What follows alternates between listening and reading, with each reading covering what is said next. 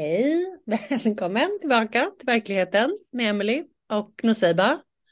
Idag går vi in på att prata lite mer singelliv, alltså hur det är att vara mycket singel eller singel länge och det som kallas FOMO, alltså fear of missing out. Den är på tapeten idag och Nuseiba, hur är det med dig? Jo då, jag mår bara bra. Jag har precis kollat på Dr. Phil om en kvinna som sålde sitt hus, sin bil, sa upp sig från sitt jobb för att få ut sin pension och skicka allt till en man hon aldrig har träffat. Mycket intressant. Oh my god. Alltså. Mm, mm, mm. eh, några stycken på det. Vilken kanal går det på? Var, går det på tv eller Dr. Phil? Eh, alltså jag, jag såg det här på YouTube. Jag följer en kanal på YouTube som heter Catfished. Och varje vecka så släpper de avsnitt kring det här temat. För jag tycker från ett psykologiskt perspektiv, alltså det är så intressant hur människors psyke funkar. Alltså de här människorna är ju verkligen i en fantasivärld. Ah, ja, men du menar romantiskt bedrägeri typ, eller? Exakt, precis. Okej, okay, okej, okay, okej. Okay. Ja, men jag är helt med dig. Alltså, högst spännande. Men också Dr. Phil, alltså jag har haft en period jag hade en period när jag tittade på extremt mycket Dr. Phil liksom, avsnitt. Och han har ju en viss, alltså det är någonting med honom som jag känner att det är så här, nej, inte, inte hundra. Men han är ju ändå utbildad, mycket erfarenhet. Alltså det, det, är en hel del spännande grejer som man kan hämta från hans eh, program, alltså helt klart. Och han har ju dessutom också en egen YouTube-kanal som jag kollade en hel del på. Och det var ju i princip som att plugga psykologi på universitetet liksom. Alltså det var högst informativt. Ja, alltså jag tycker det är så intressant att du säger att du hade liksom bad vibes gällande honom, för jag har alltid känt så med Dr. Phil att någonting känns inte helt hundra. Och sen så tänker jag att nu på senare år så förstår jag ju liksom att alltså The Dr. Phil Show är till för att underhålla och de verkligen så här producerade på ett sätt där det är så här drama och musiken. Och sen så hans psykologiska kunskaper, absolut de kommer in, men det är ju verkligen så här skrapa lite på ytan. Alltså det är inte som att man efter ett avsnitt bara wow, this was profound psychology. Utan det är alltid så här, nu har vi pratat och jag kommer skicka dig på Treehab. rehab. Tack för idag hörni. Alltså. Nej men visst. Och det var väl därför jag tyckte att hans YouTube-kanal till exempel som var eller det blev i alla fall så här, ganska rakt upp och ner så här, långa föredrag och föreläsningar liksom på olika teman. Alltså det tyckte jag ju var väldigt informativt och sådär. Men som du säger, programmet, alltså det är för mycket Hollywood liksom. Men eh, jaha, så att hans kanal på YouTube, då är det liksom inte själva showen. Jag har inte sett hans kanal på YouTube nämligen. Jo, men då är det nog både och att det, det finns en hel del klipp liksom från avsnitten. Men under typ 2020 och 2021, då var det också en hel del klipp, alltså ganska långa klipp som var bara han och i princip liksom föreläsningar och sådär då. Ja, men det låter väldigt, väldigt spännande och intressant. Men jag känner mig jättesugen på att kolla på, alltså typ det du pratade om. Vad sa du att YouTube-kanalen hette? Den heter Catfished med ed på slutet. Nej, de släpper nya avsnitt varje onsdag klockan 15.00 så får man träffa på en ny person som har slängt bort sina livsbesparingar på någon de tror att de är i en kärleksrelation med, som de aldrig har träffat. Både, både män och kvinnor eller? Det är både män och kvinnor. Det enda de har gemensamt från det jag sett, det är att alla är äldre. Aha. Mm, så det är inga under 50 typ, skulle jag säga. Alla är liksom 50-plussare. Ah. Okay.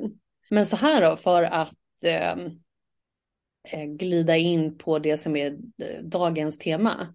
Alltså singelskap och singelliv. Har de här gamlingarna varit singlar bra länge då eller? Vissa av dem har det de flesta, eh, inte de flesta, men väldigt många är eh, änkor som inte riktigt har läkt och så har de gått online bara för att de vill ha lite sällskap. Och sen så eftersom de har varit gifta oftast väldigt långa perioder, typ aldrig varit singlar i sitt vuxna liv, aldrig varit, definitivt aldrig varit online och online-dejtat. Så de vet liksom inte riktigt de här röda flaggorna som är ganska common knowledge tror jag för de flesta ändå. Men eh, ja, ja, sen så dyker det upp eh, en, eh, en attraktiv man eller kvinna då som skriver hej till dem och sådär. Och, och det har liksom inte ens slagit dem att man kan sno andras bilder. Jaha, ja, ja, ja. Men du, på temat singelskap eller singelliv. För det har du tänkt en del på och skriver om och sådär. Så vad, tänk, vad är det du tänker kring det? Att du, eh, du vill säga till mig och alla andra? Det här med FOMO och singelskap. Det, jag tycker det är så intressant för att personligen så känner jag att mitt singelskap har liksom dragit upp alla typer av negativa känslor och föreställningar och saker att bearbeta och jobba sig igenom. Men just att jag känner att jag missar någonting, det är faktiskt inte något jag relaterar till till 100 procent. Det har varit lite mer andra saker. Men däremot så har jag märkt att det är ett väldigt återkommande tema med eh, klienter eller med människor som har varit singlar väldigt länge och inom vissa perioder eftersom vi har ju fått lära oss väldigt tidigt att i en viss ålder ska en viss sak ske. Alltså en viss ålder ska man gifta sig eller en viss ålder ska man ha barn. Och oftast när man går igenom just den tidsperioden när normen och eh, det, det, kulturella liksom, och det samhällsmässiga och även biologiska, alltså på en biologisk nivå så kanske man vid vissa punkter säger ah, men nu är det dags att skaffa barn och sådär. Så att när man går igenom de faserna, då har jag märkt att det oftast kommer upp att personen känner att jag borde leva ett visst liv och jag gör inte det. Det är som att man har målat upp en bild av bästa möjliga livsscenariot och det innehåller nästan alltid en partner eller ett partnerskap. För som jag sa, vi har verkligen så här tränats in i och programmerats till att det är nummer ett sätt att vara lycklig eller högsta sättet att känna eh, kärlek eller känna sig validerad och en bekräftelse. Och det är någonting som firas väldigt mycket. Det är väldigt mycket fokus liksom på partnerskap och barn. Så då är det ju inte så konstigt egentligen om en person då som är singel jag har märkt att den punkten, jag brukar kalla det det, är runt så 30 år. Just om man är singel när man är 30, då brukar det vara väldigt mycket tankar av att så här, oj, eh, nu är jag efter eller nu, eh, nu missar jag liksom någonting. Det är som att man har föreställt sig ett parallellt liv där man är gift och har barn, men sen så är jag på fel eh, tidslinje liksom. Och så sitter man och jämför med det där och så blir resultatet att man tror att man faktiskt genuint missar någonting. Ja, alltså jag tänker att det till, eller jag tänker att det kan vara olika såklart och att det är olika för olika individer och att det vissa gånger typ är legit liksom att känna att så här, jag håller på att missa tåget i princip och speciellt då kanske vad gäller att så här, få ett eget biologiskt barn. För där är vi ju begränsade fortfarande ganska ordentligt. Eller så här, det, det, är en verklighet liksom att det är ganska begränsat. Och om man då gärna, väldigt gärna vill ha en, ett eget barn, då känns det ju så här rimligt ändå. Att så här, det är väl helt okej okay och normalt typ att du kanske upplever det här som jobbigt eller att du har FOMO då. Medan andra gånger så är det nog som du säger, eller att det blir så här ren och skär programmering, liksom att du ska ha uppnått vissa med kriterier eller bara checkat av vissa grejer på livslistan, liksom, vilket egentligen inte säger någonting om så här inre lycka eller personlig framgång och sådana här saker. Och att det då är helt så här irrelevant, liksom, eller helt onödigt att känna någon typ av FOMO. Ja, alltså jag, jag tror att um, singlar som har varit i liksom längre relationer, till exempel tidigare, som kanske har någon typ av erfarenhet av det, brukar ha mer av en nyanserad bild av hur det är faktiskt att vara i en relation. Men jag tror för folk som, eller det har varit min erfarenhet i alla fall, att eh, människor som har varit singlar liksom hela sitt liv, eller det kanske var att man, enda relation man hade var liksom i tonåren eller något sånt där, kanske inte riktigt i vuxen ålder. Där tenderar det att bli lite mer så svartvitt tänk och som du är lite inne på, att där nästan drar man väldigt förenklade slutsatser av att så här, eh, gräset är grönare där borta och man tänker att ja, men, om jag bara får den här saken så kommer allt bli bra och man kommer vara lycklig för att man har inte testat på det riktigt och det är det enda man har sett på film att så här, men det, då blir jag lycklig och då blev jag lycklig alla mina dagar och sen kommer jag aldrig ha en dålig dag igen. Alltså det finns en väldigt så här, konstig föreställning, väldigt orealistisk föreställning istället för som du säger att så här, man kan vara i en relation och ha det för jävligt rent ut sagt. Ja, man kan också ha det underbart och precis samma sak med att vara singel. Det kan vara för jävligt och det kan vara underbart. Och känslolivet, kanske en begränsad tid kan ändras om man går in i en relation, men oftast så kommer det ganska snabbt vara precis samma typer av vågor, liksom av känslor eller upplevelser eller dåliga dagar och allt det här. Så att det ändrar ju saker på ett visst sätt, men på ett annat sätt så ändrar det egentligen ingenting alls.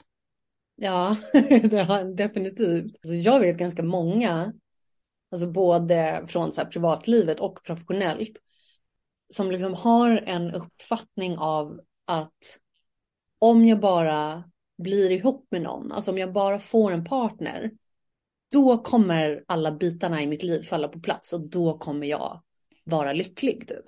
Och det är inte sant. Alltså det, det är inte sant, liksom, det funkar inte så. Sen finns det ju självklart någonting vackert i liksom förälskelse och det som inte ens är förälskelse utan det som är så här allvarlig på riktig kärlek när man så om och om igen eh, ähm, väljer varandra och det, man liksom du vet det, det är förbi den här, så här bara kemikalier och hormoner som går igång som, som dårar liksom i din, i din hjärna och du är helt så här ja men du vet man, folk bara går runt och beter sig som idioter liksom. Men ehm, poängen och sanningen är att så här, du kommer fortfarande vara du och ditt liv kommer fortfarande vara ditt liv. Alla dina gamla problem, alla dina nutida problem, alltså de kommer i princip bestå och vara likadana även fast du har någon i ditt liv som nu är din romantiska partner. Det är liksom inte svaret och jag tror att det är därför många människor då som också när de väl får sin partner till slut så står de där och bara varför är jag inte lycklig nu då? För de har liksom trott att det här ska vara svaret på och lösningen på alla deras problem. Och sen så blir de helt förvånade eller typ förkrossade, liksom, eller så förtvivlade över att det inte var det. Och så blir de bittra på sin nya partner istället och sådana här saker. Ja, alltså jag tror att om man, om man förväntar sig liksom att en annan person eller ett, en annan typ av dynamik i ens liv ska eh, förbättra ens livskvalitet på något sätt, då har man ju ett lagt över den där makten på en annan person, vilket är ganska orättvist egentligen för att det är ett enormt ansvar att lägga på någon annan. Men sen tänker jag också, och det jag försöker liksom jobba mycket med folk med, att så här, jag tror att när man känner att man missar något i sitt eget liv bara för att man är singel så bländas man totalt för det liv man faktiskt har och det man har att jobba med. För jag tror att för vissa som känner den här fear of missing out för att man inte har en partner, det är så lätt att ursäkta hur ens liv ser ut. Istället för att vara här och nu och se det fina i sitt liv eller göra de ändringarna som krävs för att verkligen förhöja sin livsupplevelse. Så liksom kastar man bollen på någonting där borta som jag typ känner att jag inte har så mycket kontroll över. Och sen så känner jag att åh, men jag missar och det hade varit så mycket bättre om jag var någon och då hade det här varit, eller så här, då hade livet varit bättre på det här sättet eller på det här sättet. Istället för att på någon nivå komma till en känsla av acceptans. Och med det sagt, det betyder inte att det är lätt att nå dit. Det är som när du nämner det här med, med barn till exempel. Och jag vet att det där är ett väldigt så här, känsligt område för människor som vill ha barn och som kanske känner att liksom, tiden tickar ut. Men jag tror att även det är en, eh, vad säger man, attachment. Alltså det är ju en bindelse man har till en abstrakt dröm på något sätt. Och även det kan faktiskt släppas. Det betyder inte att det inte är lätt och det betyder inte att man inte behöver känna sorg i den processen eller känna alla möjliga typer av riktigt negativa känslor. Men tar man sig igenom det och kan se liksom vad det är som sker inombords när man släpper taget om någonting som man kanske väldigt länge har känt att man har velat ha och någonting som även samhället trycker på ganska rejält. Jag tror att utan samhällstryck och det biologiska trycket så tror jag att ganska många inte hade haft sån stark så här, driv att bara jag måste ha barn eller så här, jag drömmer om att ha barn eller jag vill ha barn och sådana saker. Men det betyder inte att man kommer känna glädje om man inte får barn i en sån situation. Men jag tror verkligen på att man kan gräva djupt i sig själv och hitta en plats där man kan må bra i sig själv och känna sig tillfredsställd med sitt liv än då. Och det är typ den största typen av befrielse egentligen. Att ta sig igenom liksom den processen. Det är väldigt få som aktivt söker eller tar sig igenom en sån grej. Och jag tror även att det är samma personer som kan hitta innerlig, sann frihet. Ja, ja, ja, ja. Men du, för jag undrar, jag undrar lite så här då, människor som har FOMO, alltså vad, vad gör man åt det så att säga? För jag tycker det är högst, alltså jag tycker det är så fullt rimligt och liksom förståeligt att folk upplever FOMO, inte bara för att de är singlar och har varit singlar, för att alltså helt ärligt också så on the flip side så är de som typ skaffade barn tidigt eller blev ihop med någon så här supertidigt och de har varit tillsammans är säkert ganska glada och nöjda för det. Många gånger eller för det mesta och så vidare. Samtidigt som garanterat så sitter ju de där sen i 30-årsåldern och bara, men hur, alltså har jag missat min ungdom typ? Var, var, borde, jag kanske gifte mig för tidigt, skaffade barn för tidigt med fel person. De har liksom tagit mitt liv ifrån mig typ. Jag hade inte chansen att bli den jag ville bli eller liksom hitta mig själv och sådana där saker. Så då sitter ju de istället och har FOMO för att de har varit tillsammans med någon till exempel hela livet eller skaffade barn tidigt så här som jag säger. Och alltså jag själv, jag har typ aldrig haft speciellt mycket FOMO. Jag tyckte nog, alltså jag ganska tidigt så började väl jag vara lite, eh, var lite rebell eller tyckte att eh, den stora massan, liksom, eller dit den stora strömmen är på väg. Jag, kände, jag började ganska tidigt känna att så här, jag vill inte vara med. Typ. Eller så här, jag, jag tycker inte det där verkar något bra eller soft. Eller så här, jag var intresserad av någonting annat som jag inte ens visste vad det var på den tiden. Men helt enkelt så har jag kanske inte upplevt så mycket FOMO jag själv.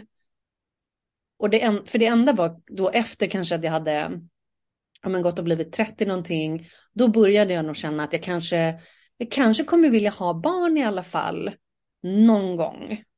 Och då var, visste jag ju att så här, nu är det typ tio år, så här, inom de här tio åren måste jag ha ett barn. Om det ska bli av. Och sen, men sen så blev jag ju ganska snabbt med barn, liksom, så här, lite hux flux. Så det var ingenting som var kvar med mig så länge.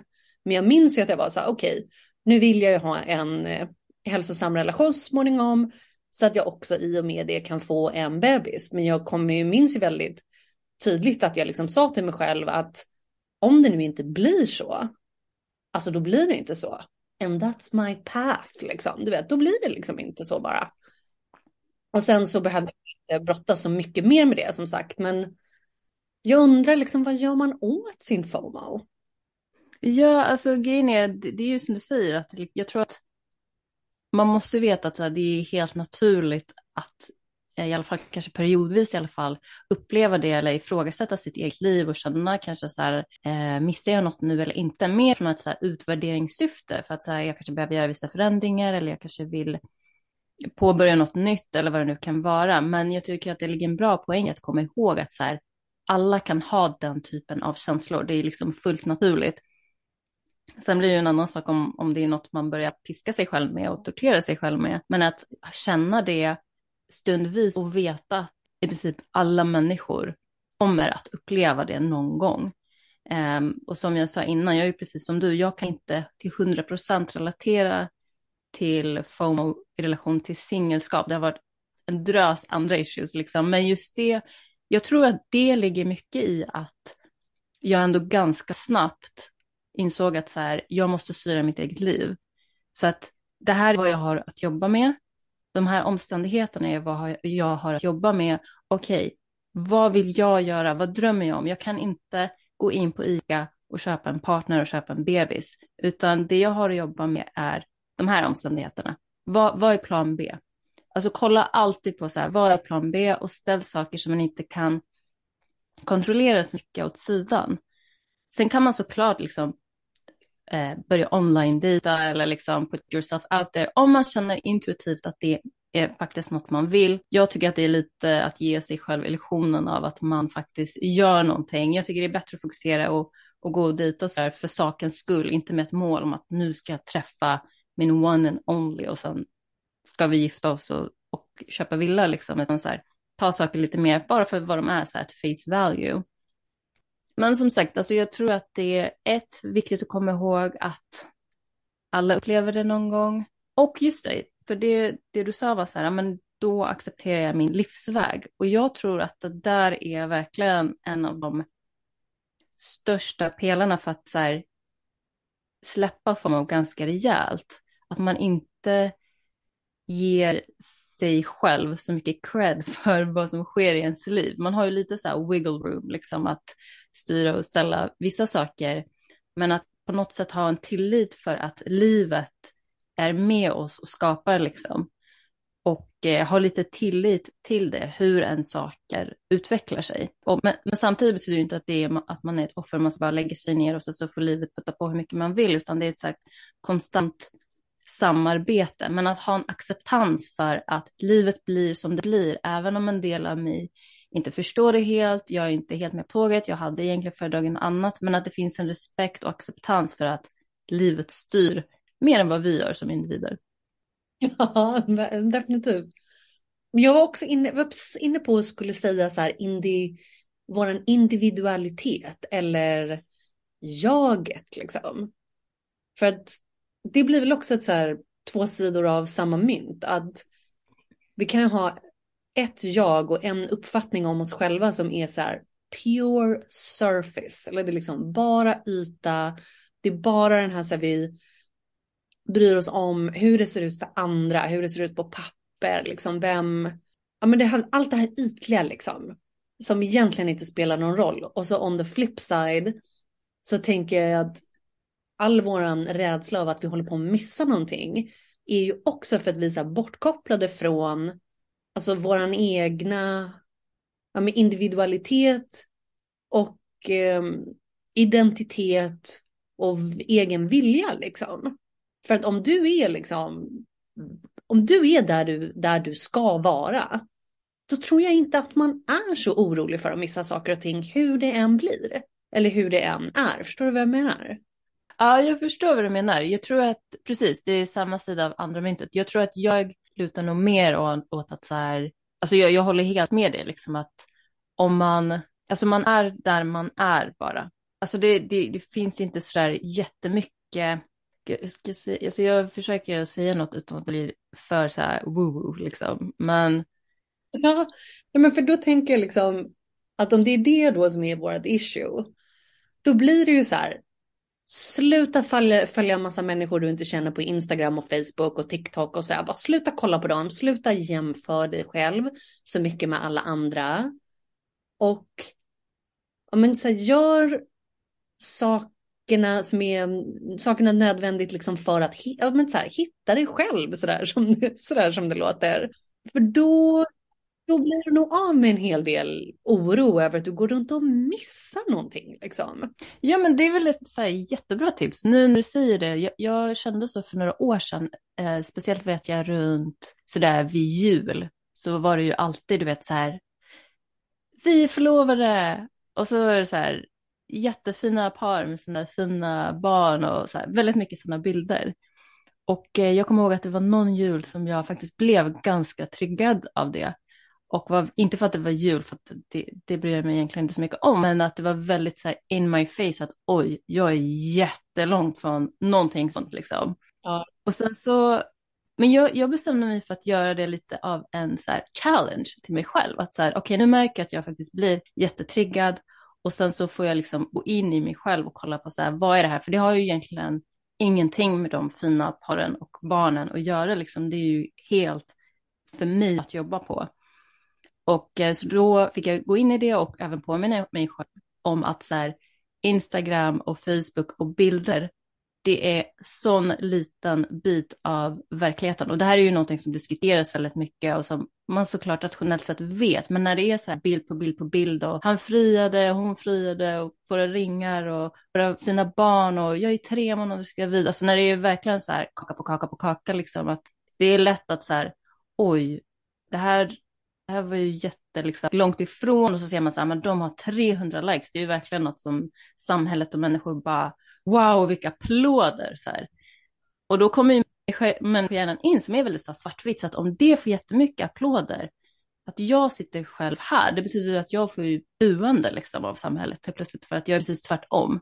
Ja men visst, och alltså jag tycker egentligen inte att vi behöver ta ifrån människor att liksom så dela med sig av sin glädje eller stora milstolpar i, i livet och sådär. Det är väl ganska kul. Alltså det, det är väl jättehärligt å ena sidan då.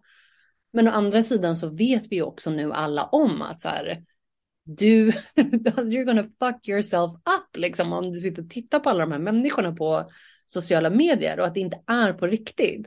Så om du märker att så här, shit, jag är så, jag är så nojig, jag är så triggad, jag är så liksom missar allting och bara rah, rah, rah, jag går runt och lider av det här. Alltså, radera de där apparna, avfölj folk. För att även om du liksom intellektuellt kan veta om att så här, äh, men det, alltså det är inte, det är mycket yta eller folk visar inte sina liksom, svårigheter på sociala medier kanske så, alltså du blir, din hjärna blir knas i alla fall. Så bara utsätt inte dig själv för de där sakerna, alltså sluta med det. Ja, absolut. Alltså, men, alltså, jag tycker absolut att man tycker att det är alldeles, alldeles för jobbigt. Det är klart att man ska stänga av eller avfölja och inte ge det sådär jättemycket liv. Men jag tyckte att det, det som blev kul var att det blev ju verkligen så en utmaning för mig år för år. Där jag var så här, okej, okay, nu ser vi hur mycket kommer gå igång i mig i det här. Och nu har det ju gått flera gånger där jag liksom bara så här, ja ah, vad roligt att de att de eh, friade eller sa jag älskar dig till varandra på den där bergstoppen. Vad fint liksom. Ja, jo men bara en annan sak just på det som dyker, eller liksom det som händer på sociala medier och att vi jämför oss där och så vidare. För då tycker jag mig också höra rådet lite överallt då och då att du måste ju googla människor. Du måste ju googla människor som du ska dejta eller som du ska anställa och sådana här saker. Så googla dem eller kolla upp dem på sociala medier för då får du en bra uppfattning om vem den här människan är. Och då är jag också så här, ja, men. Alltså det är så enkelt att lägga upp en så helt felaktig bild av sig själv och sitt liv på sociala medier. Så att varför vi har gått och fått uppfattningen av att det skulle vara så himla gynnsamt att liksom kolla upp människor på internet, att vi får en ärlig bild av vem de är. Jag bara, det är inte sant. Alltså vi kan inte gå runt och så här. Vi kan inte gå runt och bedöma människor på det sättet. Och då, för då kommer jag just att tänka också på någonting som hände i USA för några år sedan. Och jag liksom eh, businessmässigt var väl några led ifrån den här kvinnan liksom. Som var våran ålder nu, hon är så 30 någonting efter 35 hon har två stycken barn med en kille. Och hon lägger upp på sociala medier jätteofta. Du vet hon är liksom eh, hemmamamma och det är bebisarna och hennes man och de gör massa härliga saker tillsammans och de pysslar och de håller på liksom. Och så, så här, bara standard bullmamma. Typ. Och sen en vacker dag så försvinner hon. Och det är så här, herregud, hon och hennes barn är borta. Vart har de tagit vägen? Och då visar sig ju ganska snabbt att den här mannen som hon är gift med, han har alltså mördat alla tre och gömt deras kroppar någonstans. Och de har liksom berger med skulder på huset och allt är bara panik och kaos och han är någon typ av psykopat liksom och hans enda utväg nu till ett annat liv med någon annan kvinna och sådana här saker det är att alltså göra sig av med sin fru och sina barn. Och det här fallet blev ganska uppmärksammat just för att på sociala medier så såg deras liv ut som värsta drömmen. Så det här är liksom ett extremt fall av att bara sluta, sluta lägga så mycket intresse och fokus på sociala medier, snälla. Ja, absolut. Alltså jag, jag, tänker, man, jag tycker man hör ju om sådana här eh, fall ganska ofta, som du säger, kanske inte så extremt, men det är väldigt ofta så här, oh, picture perfect, och sen så är det liksom någonting som, ja, alltså man inser att nej, men det är verkligen inte hela, hela bilden liksom. Så att man får ju, sociala medier kan användas jättemycket positivt och eh, generellt sett så gäller det ju bara att ta det med en nypa salt. Och är det så att man som singel då eh, ser en massa fina par och sådär, så tänk att men deras man kan vara en mördare. ja, tänk det. Men så just, alltså just om du känner att så här, men shit, jag är så orolig över att, eller jag, jag fattar inte vad det är för fel på mig, alltså varför är mitt liv inte så som andras, tänk om det inte blir någon bebis, varför kan jag aldrig bli ihop med någon, vad är det för fel på mig? Då är det verkligen läge att bara sluta med de där, med de där sakerna. Alternativt använda till att så här, verkligen se hur det är jag känner när jag ser sånt här. För att jag, jag tror, alltså man ska inte sitta och så här, tortera sig själv som sagt, men märker man att man blir väldigt upprörd eller igångtriggad eller att det kanske kommer upp känslor av att så här, aha, varför har inte jag det där eller eh, ja, men vad, vad är det för fel på mig? Och sådana saker, då är det nog verkligen värt att eh, bara gå in i sig själv och att utveckla sin förmåga att så här, självtrösta och att ha den där rösten som är så här, kan hitta acceptans men som också kan ge, som vi var inne på i början, en realistisk och nyanserad bild av livet. Ingens liv är perfekt och vi alla har på nedgångar liksom och att bara för att man träffar någon som sagt det är inte nyckeln till all lycka och så här jag brukar ju alltid säga det att vi borde alla så här stämma Disney för falsk marknadsföring liksom för att det jag tror att det där ger så en himla skev bild av eh, ens förväntningar av partnerskap. Definitivt. Men du, på ett annat spår, eller liksom på, på den delen som är att det är liksom legit och känna att jag behöver partnerskap, att jag behöver närhet med en annan människa, jag vill ha familj, men det händer inte, det blir inte av och sådär. Har du något råd då? Alltså på, på hur, du, hur, du, hur de här singlarna faktiskt ska hitta en partner?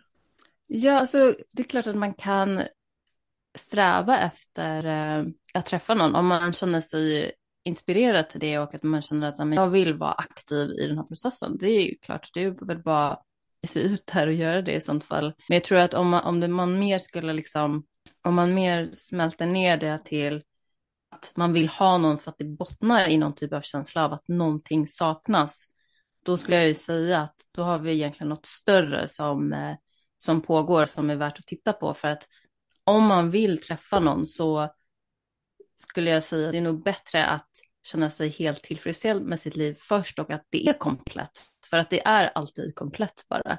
Man kanske har en känsla eller upplevelse som känns väldigt verklig av att något saknas eller något borde vara här som inte är här, men livet är alltid komplett singel eller inte singel liksom. Så att ska man ge sig ut så är det nog bättre att man har det som grundenergi snarare än att man ger sig ut man ger sig ut med en känsla av att något saknas. Det där ryker jag av desperation dessutom, så det är inte det mest attraktiva heller. Ja, men alltså, nu säger du ju någonting. Nu sa du verkligen någonting. För det där är något som jag säger också till de, ja, gärna tjejerna då, eller ja, kvinnor som pratar med mig om att så här, de kan inte hitta, de kan inte hitta, hitta rätt man eller det bara, alltså vad är det för fel på männen typ, vad är det för fel på mig, varför händer det inte sådana här saker. Eller man börjar bli lite, lite desperat. Att, du vet, eller som vi sa i början också, att så här, en relation kommer liksom inte rädda dig och ditt liv eller något sånt där, utan både för din egen skull men också för att du faktiskt ska lyckas lyckas med ett förhållande när du väl eller om du väl då möter någon. Alltså ditt liv måste vara så 80 procent bara fulländat, mm. minst. Exakt. Och sen är din nya partner, det är som efterrätt. Det är som den lilla pricken över i ett. Så här. Alltså det ska vara, du ska vara klar. ja, men du ska vara klar till i alla fall 80 procent.